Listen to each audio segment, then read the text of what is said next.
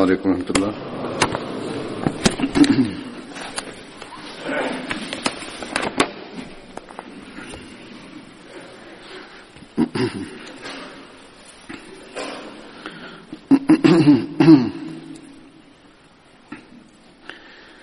أشهد لا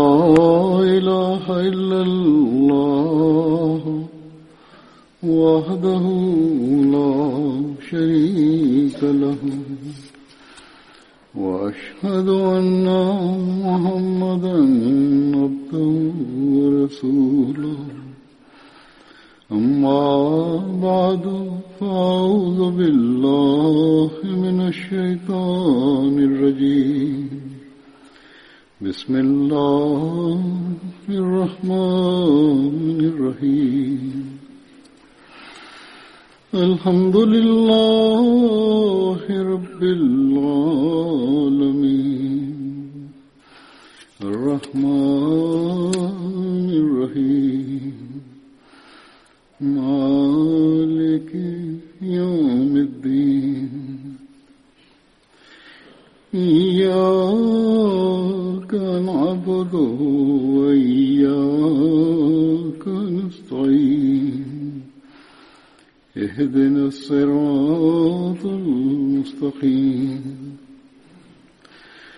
صراط الذين أنعمت عليهم غير المغضوب عليهم ولا الضالين.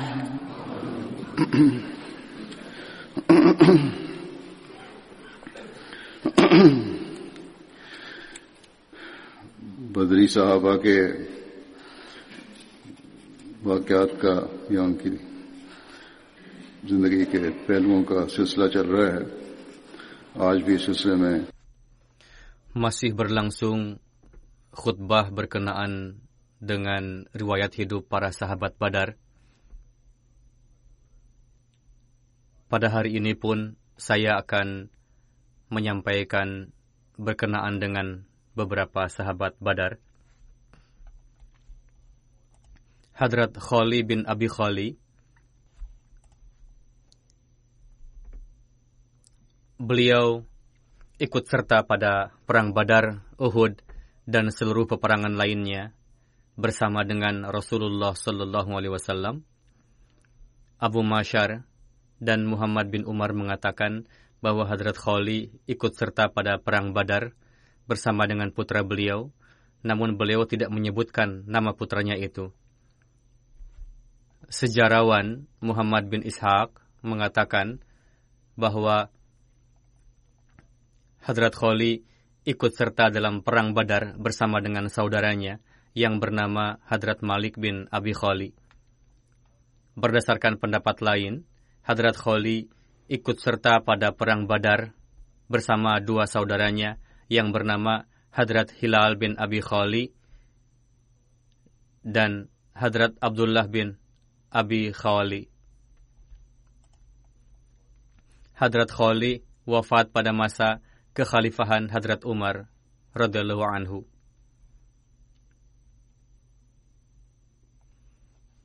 Sahabat berikutnya adalah Hadrat Rafi bin Al-Mu'alla. Beliau berasal dari kabilah Khajraj, ranting Banu Habib. Ibunda beliau bernama Adam binti Auf, Hadrat Rasulullah menjalinkan persaudaraan antara beliau dengan Hadrat Safwan bin Baida. Kedua sahabat tersebut ikut serta pada perang Badar. Berdasarkan beberapa riwayat, keduanya syahid pada perang Badar. Pada satu riwayat lain dikatakan bahwa Hadrat Safwan bin Baida tidaklah syahid pada perang Badar. Musa bin Uqba meriwayatkan bahwa Hadrat Rafi dan saudara beliau Hilal bin Mu'alla keduanya ikut serta pada perang Badar. Hadrat Rafi disyahidkan oleh Ikrimah bin Abi Jahal.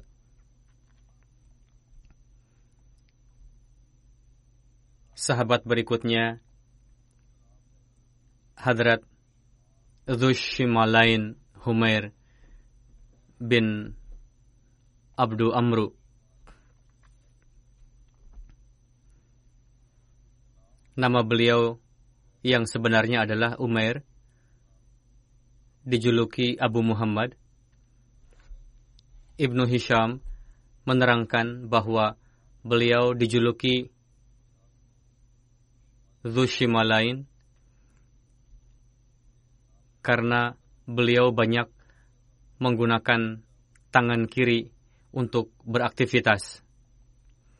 Sementara dalam riwayat lain dikatakan bahwa beliau biasa sama-sama menggunakan kedua tangannya. Untuk itu, beliau juga dijuluki dengan Zul Yadain. Beliau berasal dari kabilah Banu Khuda'ah Beliau sekutu Banu Zuhrah. Beliau hijrah dari Makkah ke Madinah dan tinggal di rumah Hadrat Sa'ad bin Khaismah. Hadrat Rasulullah menjalinkan persaudaraan antara beliau dengan Yazid bin Harith. Kedua sahabat tersebut syahid pada Perang Badar. Beliau disyahidkan oleh Usama Jashmi Ketika disyahidkan beliau berumur 30 tahun.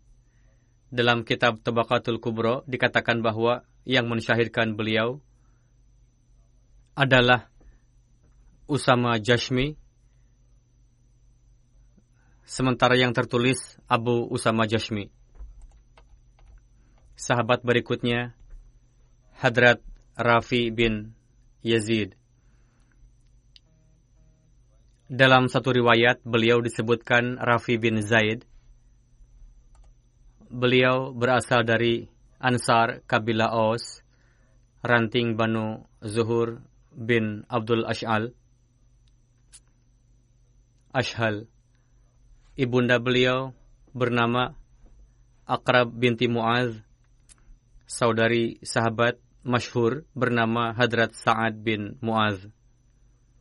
Hadrat Rafi memiliki dua putra, yakni Usaid dan Abdurrahman. Ibu kedua putra tersebut bernama Akrab binti Salamah. Hadrat Rafi ikut serta pada perang Badar dan Uhud. Berdasarkan satu riwayat, pada saat perang Badar, beliau menunggangi unta Sa'id bin Zaid. Beliau syahid pada perang Uhud. Sahabat berikutnya, Hadrat Zakwan bin Abdi Qais berasal dari Ansar kabilah Khajraj ranting Banu Zuraik. Beliau mendapat julukan Abu Sabu. Beliau ikut serta pada bayat akabah pertama dan kedua. Ada satu hal yang perlu dijelaskan perihal beliau yakni setelah hijrah ke Madinah, beliau pergi kepada Rasulullah di Mekah. Pada saat itu Rasul tengah masih berada di Mekah. Beliau juga dijuluki dengan Muhajir Ansar, yakni sesampainya di Mekah, beliau tinggal sekian lama di sana. Dengan kata lain, setelah hijrah ke Madinah, beliau datang lagi ke Mekah menemui Rasulullah. Beliau ikut serta pada perang Badar dan Uhud dan disyahidkan pada perang Uhud. Beliau disyahidkan oleh Abu Ahkam bin Akhnas. Hadrat Zakwan bin Abdi Qais disebut sebagai Muhajir Ansar. Allama Ibnu Sa'ada menulis dalam kitab Tabaqatul Kubro bahwa ketika umat muslim hijrah ke Madinah, kaum Quraisy naik pitam, para pemuda sudah pergi hijrah. Satu kelompok Ansar bayat kepada Rasulullah pada kesempatan bayat akobah kedua. Setelah itu, kembali lagi ke Madinah. Ketika orang-orang yang hijrah pada masa awal sampai di Qaba, kelompok Ansar tadi pergi kepada Rasulullah di Mekah, lalu hijrah bersama dengan para sahabat Rasul ke Madinah. Karena itulah mereka disebut sebagai Muhajirin Ansar. Di antara sahabat tersebut adalah Hadrat Zakwan bin Abdi Qais, Hadrat Uqbah bin Wahab, Hadrat Abbas bin Ubadah, dan Hadrat Zaid bin Lubaid. Setelah itu, segenap umat Muslim berangkat ke Madinah, kecuali Hadrat Rasulullah, Hadrat Abu Bakar, Hadrat Ali, atau yang berada dalam tahanan, sakit, atau yang lemah atau uzur. Suhail bin Abi Salih meriwayatkan bahwa ketika Rasul berangkat ke Perang Uhud, beliau bersabda kepada para sahabat sembari mengisyarahkan ke suatu daerah, siapa yang akan pergi ke arah itu? Di antara Bani Zuraik ada seorang sahabat yang bernama Hadrat Zakwan bin Abdi Qais Abi Sobu berdiri lalu berkata, Wahai Rasul, saya yang akan pergi ke sana. Rasul bertanya,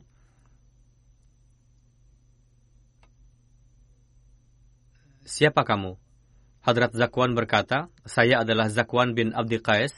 Rasul memerintahkan untuk duduk, dan Rasul mengatakan itu tiga kali. Lalu bersabda, kamu berangkat saja ke tempat Anu dan Anu. Lalu Hadrat Zakwan berkata, Wahai Rasul, saya akan berangkat ke tempat itu. Rasul bersabda, Barang siapa yang ingin melihat orang yang tengah berjalan di surga esok, lihatlah orang ini. Setelah itu Hadrat Zakwan pamitan kepada keluarganya, istri, dan putri-putri beliau bertanya, Anda akan pergi meninggalkan kami? Beliau melepaskan pegangan tangan mereka ke baju beliau, setelah berjalan beberapa langkah, melihat kepada keluarga dan berkata, kita akan berjumpa nanti di hari kiamat. Setelah itu, beliau syahid pada perang Uhud. Pada perang Uhud, Rasul bertanya kepada para sahabat, Apakah ada yang mengetahui kabar Zakwan bin Abdul Qais? Hadrat Ali berkata, Wahai Rasul, saya melihat seorang pengendara kuda yang tengah membuntuti Zakwan dan sampai di dekatnya. Orang itu mengatakan, jika hari ini kamu selamat, berarti aku yang tidak akan selamat. Lalu orang itu menyerang dan mensyahidkan Hadrat Zakwan yang saat itu tidak berkendara. Orang yang tengah menyerang itu sambil mengatakan, Lihatlah, aku adalah Ibnu Ilaj. Hadrat Ali berkata, Lalu saya menyerang orang itu dengan menebas kaki dan memotong setengah pahanya, lalu menurunkannya dari kuda dan membunuhnya. Hadrat Ali bersabda, ternyata dia adalah Abul Hakam bin Akhnas. Sahabat berikutnya adalah Hadrat Khawad bin Zubair Ansari. Beliau dijuluki Abdullah dan Abu Saleh. Dan merupakan saudara dari Hadrat Abdullah bin Jubair yang mana pernah ditunjuk oleh Rasul bersama dengan 50 pemanah untuk menjaga lembah pada perang Uhud, yakni saudara beliau. Beliau berpostur sedang, wafat pada tahun 40 Hijri di Madinah pada usia 74 tahun. Menurut riwayat lain, ketika wafat berusia 94 tahun, beliau biasa menggunakan mehendi atau ukiran gambar pada tangan atau kaki dan wasmah atau mehendi Irani. Hadrat Khawat juga berangkat bersama dengan Rasul ke Perang Badar, namun karena terkena ujung batu yang tajam, beliau terluka sehingga Rasul mengirim beliau pulang ke Madinah. Namun Rasul menetapkan bagian harta rampasan perang dan hadiah untuk beliau. Seolah beliau ikut serta seperti pejuang lainnya. Beliau ikut serta pada perang Badar, Uhud, Khandak, dan seluruh peperangan lainnya bersama dengan Rasulullah. Hadrat Khawad meriwayatkan Suatu hari kami beserta dengan Rasul beristirahat di daerah Mar Az-Zuhur. Ketika saya keluar dari kemah, ada beberapa wanita yang tengah berbincang. Melihat hal itu, saya tertarik. Lalu saya kembali untuk mengambil jubah dan duduk di dekat para wanita itu. Huzur bersabda, beliau menutupi diri sendiri dengan pakaian dan duduk untuk mendengarkan obrolan para wanita itu. Saat itu Rasul keluar dari kemah beliau. Ketika saya melihat Rasul, saya ketakutan. Lalu saya berdiri dan berkata kepada Rasul bahwa saya tengah mencari unta saya yang kabur. Lalu Rasul pergi. Lalu saya mengikuti Rasul. Rasul memegangkan kain kadar yang beliau kenakan kepada saya, lalu pergi ke arah semak-semak. Setelah buang hajat, beliau berwudu dan kembali. Air menetes dari janggut Rasul ke dada. Lalu Rasul dengan nada bercanda bertanya kepada saya, Wahai Abdullah, apa yang telah dilakukan oleh unta itu? Sebenarnya tidak ada unta yang hilang, dan Rasul merasa bahwa sahabat tersebut hanya duduk-duduk untuk mendengar obrolan para wanita tadi. Dan itu perbuatan yang tidak baik. Lalu kami berangkat. Setelah itu, kapan pun beliau menjumpai saya, beliau mengucapkan salam dan bertanya kepada saya, Abdullah, apa yang telah dilakukan unta itu? Sementara Rasul sering mencandai saya dengan mengulangi pertanyaan tadi. Lalu saya bersembunyi di Madinah dan mulai menjauhkan diri dari Rasul. Setelah berlalu sekian lama, saya pergi ke masjid, lalu berdiri untuk salat. Rasul keluar dari hujrah beliau dan salat dua rakaat. Saya secara sengaja melambatkan salat saya, supaya Rasul segera beranjak pergi meninggalkan saya. Rasul bersabda, Abu Abdullah, seberapa lama pun kamu salat, aku masih menantimu di sini. Saya berkata di dalam hati, demi Tuhan, aku akan meminta maaf kepada Rasul, lalu membersihkan kalbu dari hal itu. Setelah saya selesai salat, Rasul bersabda, Abu Abdullah, semoga keselamatan tercurah padamu. Bagaimana akhirnya kisah unta yang kabur itu? Saya berkata, demi zat yang telah mengutus Anda dengan hak, Semenjak saya masuk Islam, unta itu tidak pernah kabur. Lalu Rasul bersabda sebanyak tiga kali, semoga Allah mengasihimu. Setelah itu Rasul tidak pernah menyinggung-nyinggung lagi hal itu. Seolah-olah Rasul mengatakan, Jangan sembunyikan hal tersebut dariku, karena saya tahu kisah sebenarnya. Kedua, duduk tanpa alasan untuk mendengarkan obrolan orang lain adalah perbuatan keliru. Hadrat Khawad meriwayatkan, Suatu ketika saya jatuh sakit, Rasul menjenguk saya. Setelah saya sembuh, Rasul bersabda, Wahai Khawad, tubuhmu sudah sehat. Untuk itu, apa pun yang kamu janjikan kepada Allah, penuhilah janjimu. Saya bertanya, saya tidak berjanji apa-apa kepada Allah. Rasul bersabda, tidak ada orang yang sakit yang tidak bernazar atau berniat ketika sakitnya pasti saja mengatakan, yakni, Ya Tuhan, jika Engkau menyembuhkanku, aku akan lakukan ini dan itu. Jadi, janji yang telah disampaikan kepada Allah, penuhilah apa pun yang telah kamu katakan. Walhasil, hal tersebut perlu untuk kita perhatikan dan amalkan.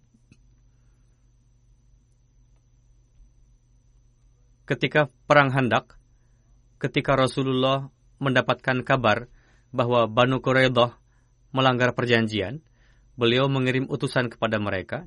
Berkenaan dengan hal ini, dalam buku Sirat Khatamun Nabiyyin, Hadrat Mirza Bashir Ahmad menulis, Ketika Rasulullah mengetahui kabar pembangkangan Banu Quraidah, pertama-tama beliau mengutus Zubair bin Al-Awwam beberapa kali secara sembunyi-sembunyi untuk mengetahui keadaan lalu mengutus lagi pemimpin kabilah Aus dan Khajraj, Sa'ad bin Muaz dan Sa'ad bin Ubadah, dan beberapa sahabat lainnya yang berpengaruh sebagai utusan secara terorganisir kepada Banu Quraidah. Rasul menekankan bahwa jika mendapatkan kabar yang dapat meresahkan, ketika kembali nanti jangan langsung mengabarkan secara terbuka, melainkan dengan isyarat, supaya tidak menimbulkan keresahan di kalangan orang-orang ketika orang-orang ini sampai di pemukiman Banu Quraidah, mereka pergi ke rumah ketuanya, Ka'ab bin Asad. Orang yang lancang, yakni Ka'ab, itu bersikap penuh kesombongan di hadapan mereka, dan ketika disampaikan perihal perjanjian oleh kedua Sa'ad itu, yakni Sa'ad bin Mu'az dan Sa'ad bin Ubadah, ia dan orang-orang kabilahnya berbicara dengan lancang, Pergilah kalian, tidak ada perjanjian antara Muhammad dengan kami. Mendengar ucapan seperti itu, para sahabat beranjak pergi, lalu kedua saat itu menemui Rasul dan mengabarkan kejadian tersebut dengan cara yang dinasihatkan.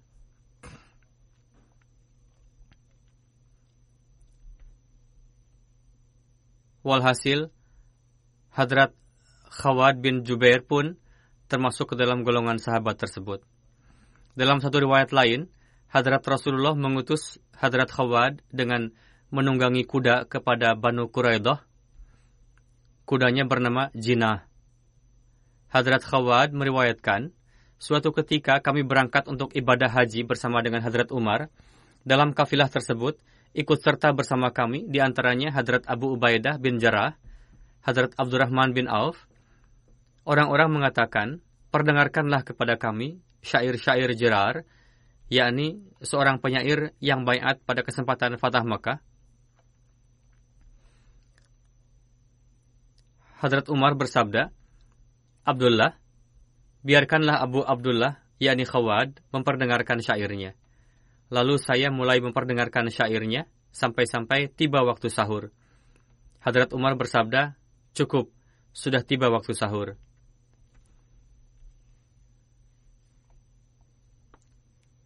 sahabat berikutnya Hadrat Rabi'ah bin Aksam. Julukannya Abu Yazid. Beliau bertubuh pendek dan gemuk. Beliau berasal dari kabilah Asad bin Khuzaimah. Beliau termasuk ke dalam kelompok sahabat muhajir Ansar. Setelah hijrah ke Madinah bersama dengan para sahabat lainnya, tinggal di rumah Hadrat Mubashir bin Abdul Munzir Ketika ikut serta pada Perang Badar, beliau masih berusia 30 tahun. Selain Perang Badar, beliau juga ikut serta pada Perang Khandak, Uhud, Sulah Hudaybiyah, dan Perang Khaybar. Beliau syahid pada Perang Khaybar. Beliau disyahidkan oleh seorang Yahudi bernama Harith di daerah Nita. Nita adalah nama sebuah benteng di Khaybar. Ketika syahid, beliau berusia 37 tahun.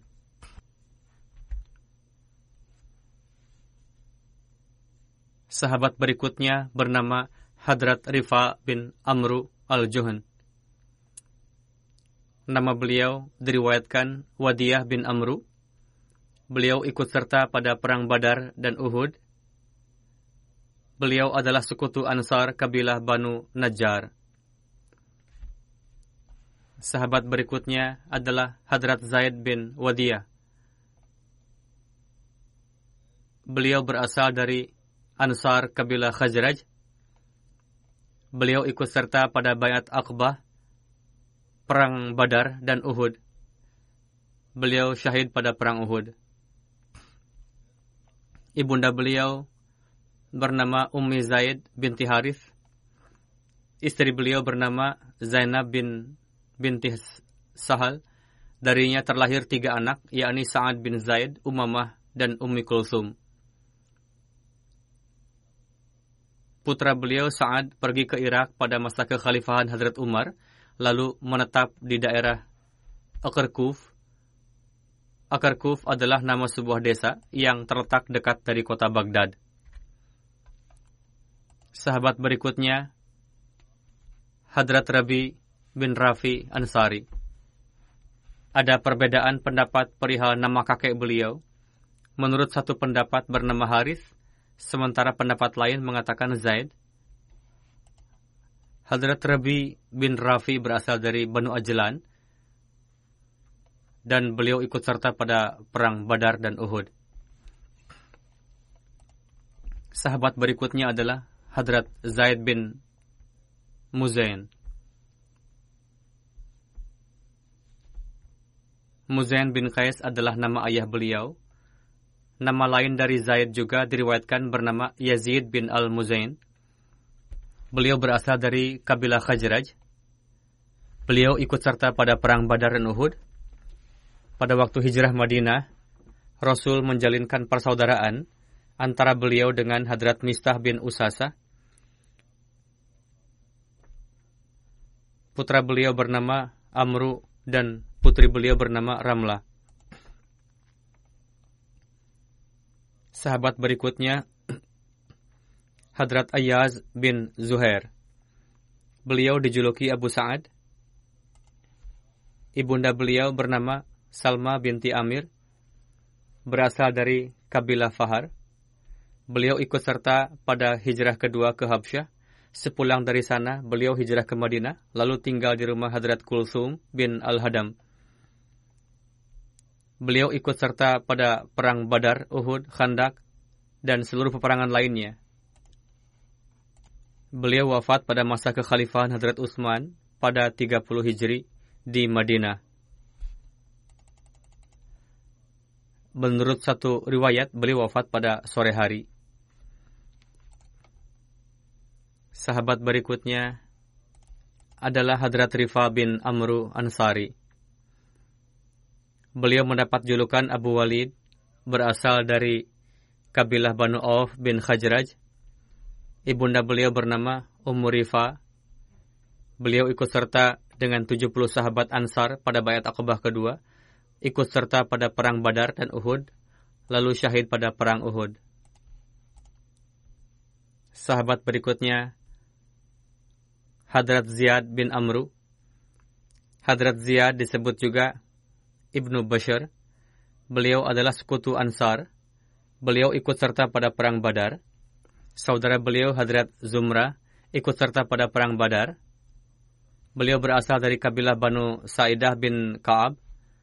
Menurut keterangan lain, beliau adalah hamba sahaya yang diperdekakan oleh Banu Sa'idah bin Ka'ab bin Al-Khajraj.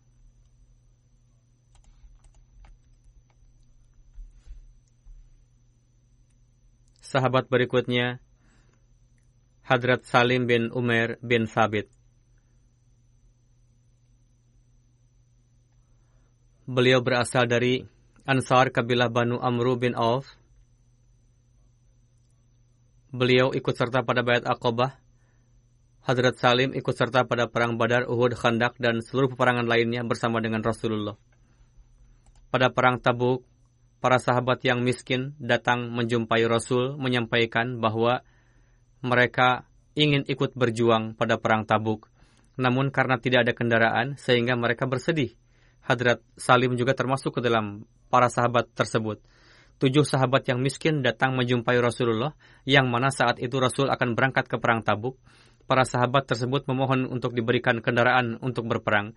Beliau bersabda, saya tidak punya kendaraan yang bisa kalian gunakan. Lalu mereka kembali pulang sambil mencucurkan air mata disebabkan karena tidak ada dana untuk membelinya. Ibnu Abbas meriwayatkan ayat yang berbunyi wala 'alal ladzina idza ma atauka litahmilahum qulta la ajidu ma ahmilukum alaihi tawallau wa a'yunuhum tafidu minad dam'i hazanan alla yajidu ma yunfikun. Artinya, dan tiada pula berdosa atas orang-orang yang apabila mereka datang kepadamu, supaya kamu memberi mereka kendaraan, lalu kamu berkata, aku tidak memperoleh kendaraan untuk membawamu, lalu mereka kembali, sedang mata mereka bercucuran air mata karena kesedihan. Lantaran mereka tidak memperoleh apa yang akan mereka nafkahkan.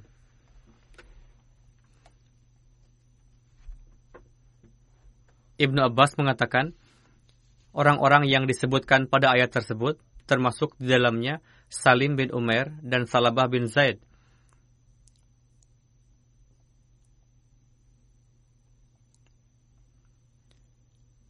Hadrat Khalifatul Masih yang kedua dalam menjelaskan tafsir surat At-Taubah ayat tersebut bersabda, yakni ayat yang berbunyi wala 'alal ladzina idza ma atauka litahmilahum qul tala ajidu ma ahmilukum alaihi tawallau wa a'yunuhum tafidu minad dam'i hazanan alla yajidu ma yunfikun.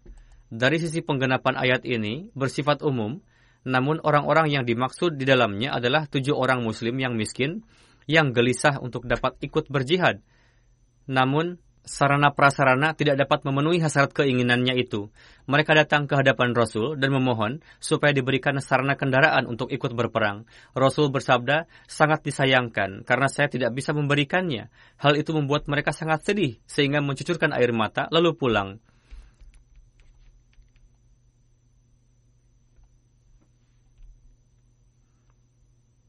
Diterangkan bahwa setelah mereka pulang, Hadrat Utsman memberikannya tiga unta, sementara empat unta lagi dari sahabat lainnya. Lalu Rasulullah memberikan satu unta kepada setiap mereka. Hadrat Muslim Ma'ud bersabda, Al-Quran menjelaskan kisah ini untuk memperlihatkan ketulusan orang-orang orang-orang Muslim yang miskin itu. Di sisi lain, para hartawan yang memiliki sarana untuk melakukan safar, namun mereka mencari-cari alasan palsu ada beberapa orang yang mencari-cari alasan pada saat itu supaya tidak ikut berperang. Namun, orang-orang miskin tersebut memiliki semangat lain sebagai perbandingan. Dari ayat ini dapat diketahui bahwa orang-orang yang tersisa di Madinah kesemuanya tidak munafik. Melainkan ada juga umat muslim yang mukhlis, namun mereka tidak dapat pergi berperang karena tidak mempunyai sarana.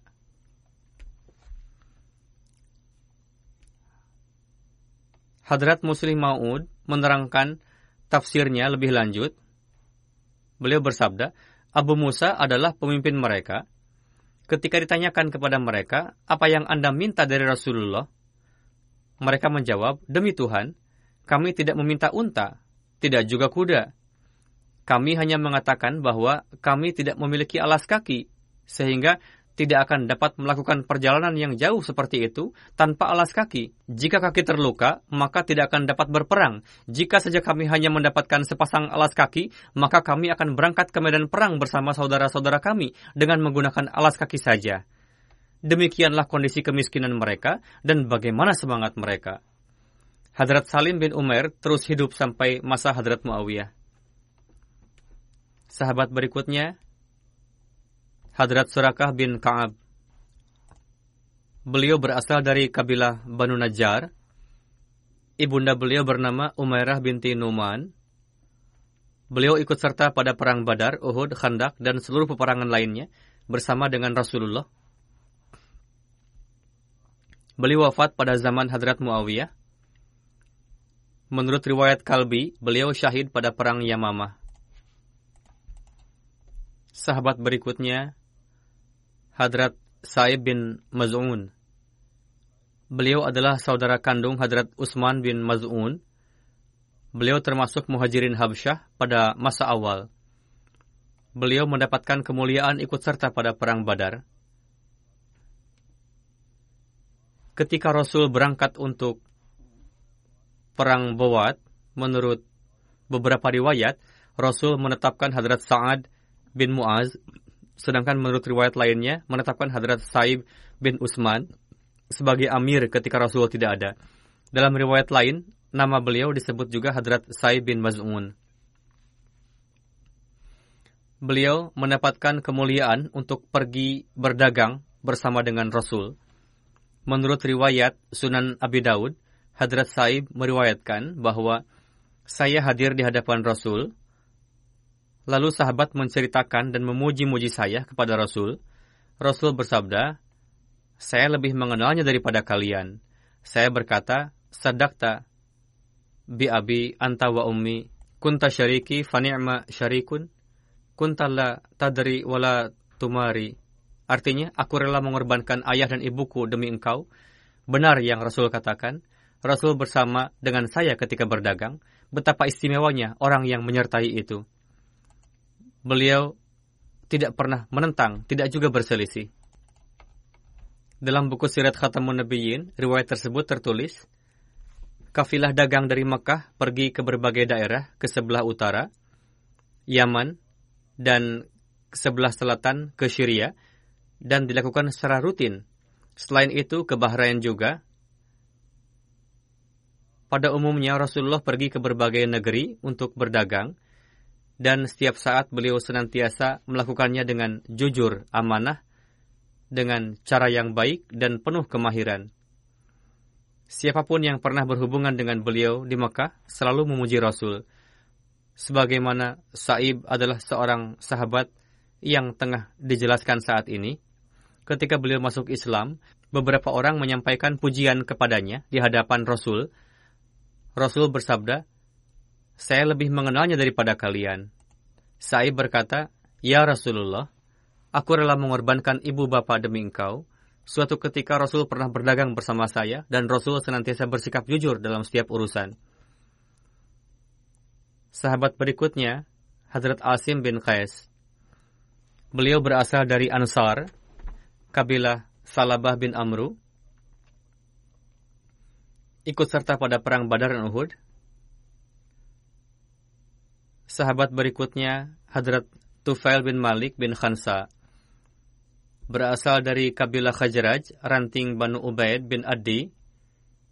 Ibunda beliau bernama Asma binti Al-Qain. Hadrat Tufail ikut serta pada bayat Aqbah, perang Badar dan perang Uhud. Beliau menikahi Idam binti Khurd. Kurd, darinya lahir dua putra, Abdullah dan Rabi.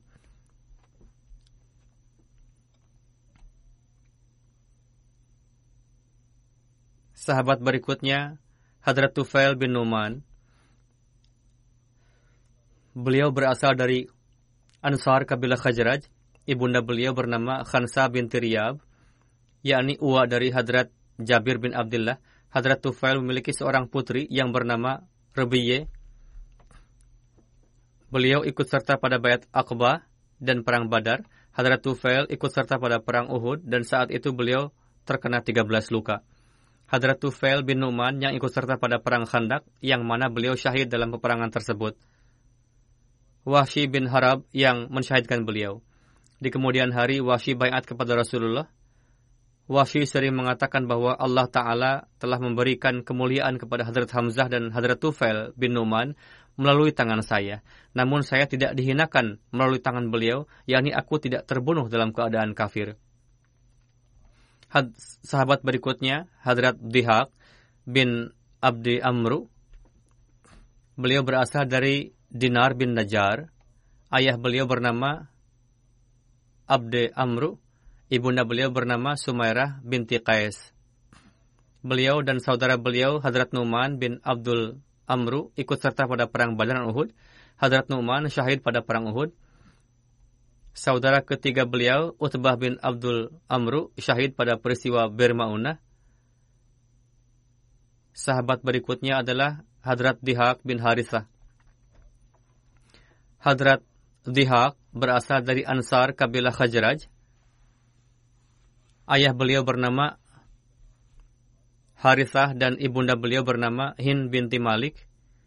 Beliau ikut serta pada Bayat Aqbah bersama dengan 70 sahabat Ansar. Beliau juga ikut serta pada perang Badar. Putra beliau bernama Yazid yang lahir dari istri beliau bernama Umamah binti Mu'arif. Sahabat berikutnya Hadrat Khalad bin Suwaid Ansari. Beliau berasal dari kabilah Khajraj Ranting Banu Harith. Ibunda beliau bernama Umrah binti Sa'ad putra beliau, Hadrat Sa'ib, mendapatkan taufik untuk bergaul dengan Hadrat Rasulullah. Di kemudian hari, Hadrat Umar menetapkan beliau sebagai Amil Yaman. Putra kedua beliau, Hakam bin Khalad. Ibunda keduanya bernama Laila binti Ubadah. Hadrat Khalad ikut serta pada Bayat Aqabah. Beliau ikut serta pada perang Badar, Uhud, dan Khandak. Ketika perang Banu Quraidah, seorang wanita Yahudi bernama Bunana melemparkan bau batu besar dari ketinggian kepada beliau yang menyebabkan kepala beliau pecah sehingga beliau syahid. Lalu Rasul bersabda, Khalad mendapatkan pahala yang sama untuk dua orang syahid. Rasul pun kemudian menghukum mati wanita tersebut sebagai kisas. Dalam buku Sirat Khatamun Nabiyyin, riwayat tersebut tertulis, beberapa umat muslim yang sedang duduk beristirahat di dinding benteng Lalu seorang wanita Yahudi bernama Bunana melemparkan batu besar dari ketinggian benteng yang menyebabkan syahidnya seorang pria bernama Khalad dan pria lainnya selamat.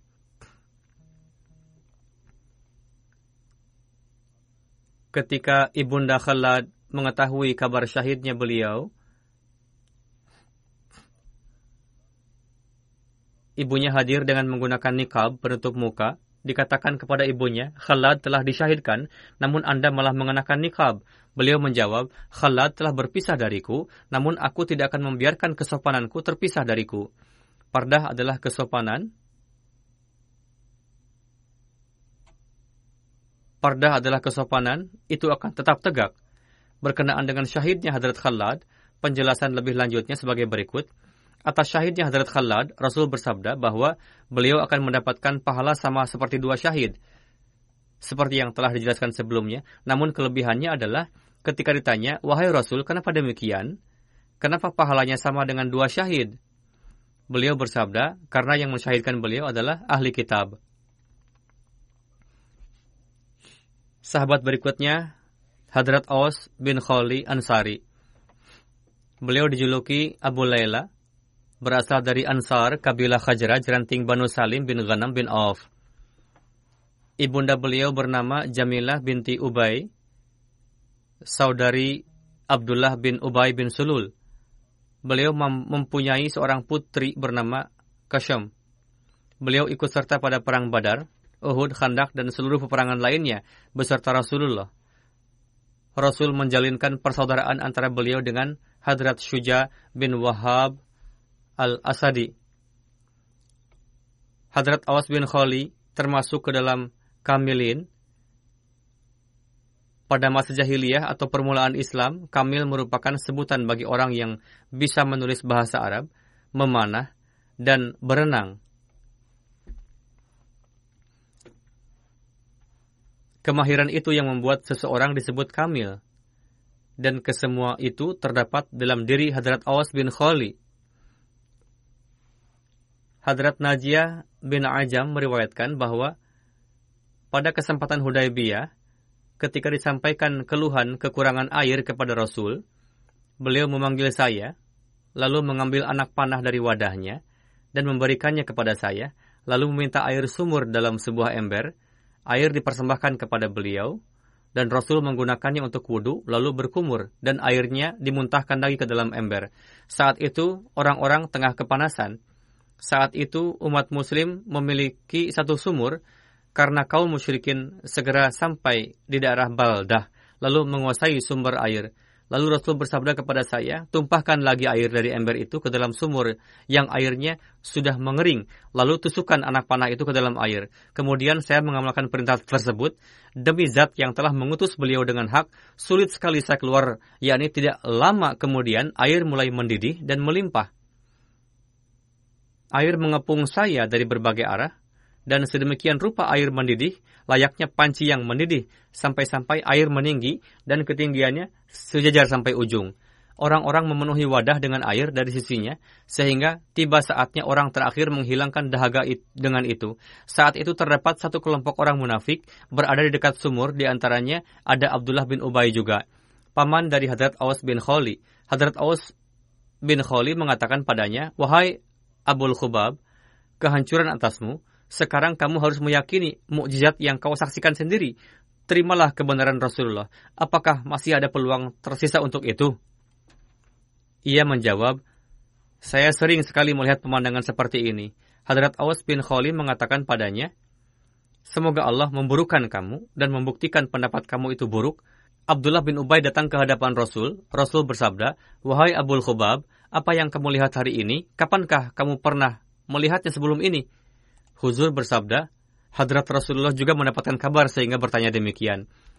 Ia menjawab, sebelum ini saya tidak pernah melihatnya. Rasul bersabda, lantas kenapa kamu mengatakan seperti yang kamu katakan kepada ponakanmu?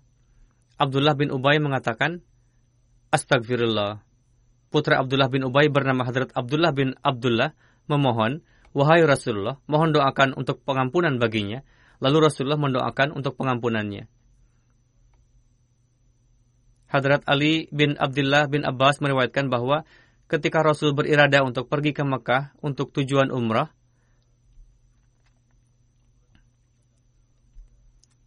Rasul mengutus Awas bin Khali dan Abu Rafi untuk mengirim pesan kepada Hadrat Abbas agar menikahkan beliau Shallallahu Alaihi Wasallam dengan Hadrat Maimunah. Di jalan, unta mereka berdua hilang, Lalu mereka beberapa kali berhenti di Batan Rabik, daerah yang berjarak 10 mil dari Rabik, Jufa. Sehingga Rasulullah datang. Kemudian keduanya menemukan kembali untanya. Lalu mereka berdua berangkat ke Mekah bersama Rasulullah. Rasul mengirim pesan kepada Hadrat Abbas. Hadrat Maimunah menyerahkan urusan tersebut kepada Hadrat Abbas. Rasul pergi menjumpai Hadrat Abbas, lalu Hadrat Abbas menikahkan Hadrat Rasulullah dengan Hadrat Maimunah.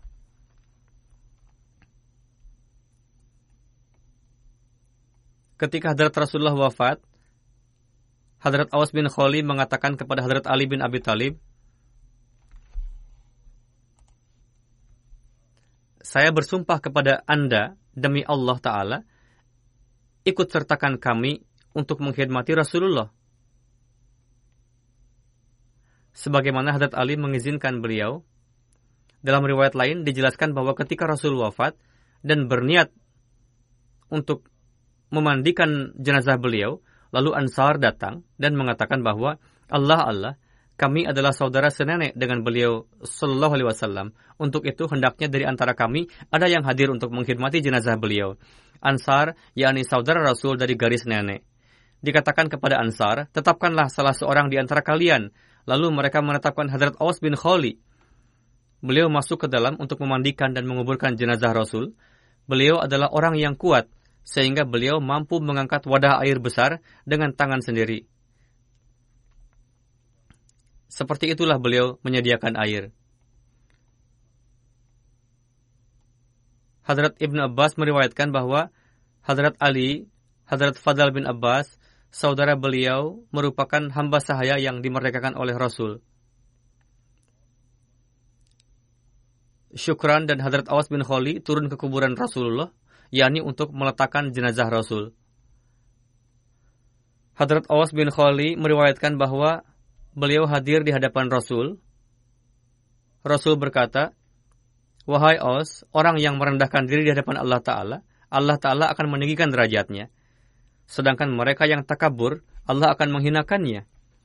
Ini merupakan nasihat penting yang harus kita selalu ingat – beliau wafat pada masa kekhalifahan Hadrat Utsman di Madinah. Semoga Allah Ta'ala meninggikan derajat seluruh para sahabat. Radhiallahu anhum. Amin.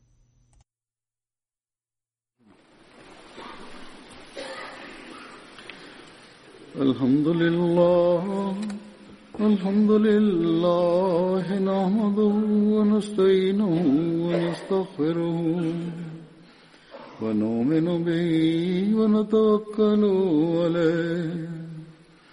ونعوذ بالله من شرور أنفسنا ومن سيئات أعمالنا. من يهده الله فلا مضل له ومن يضلله فلا هادي له. ونشهد أن لا إله إلا الله. ونشهد أن محمدا عبده ورسوله. عباد الله رحمكم الله. إن الله يأمر بالعدل واللسان وإيتاء ذي القربى. وينهى عن الفحشاء والمنكر والبغي يعظكم لعلكم تذكرون.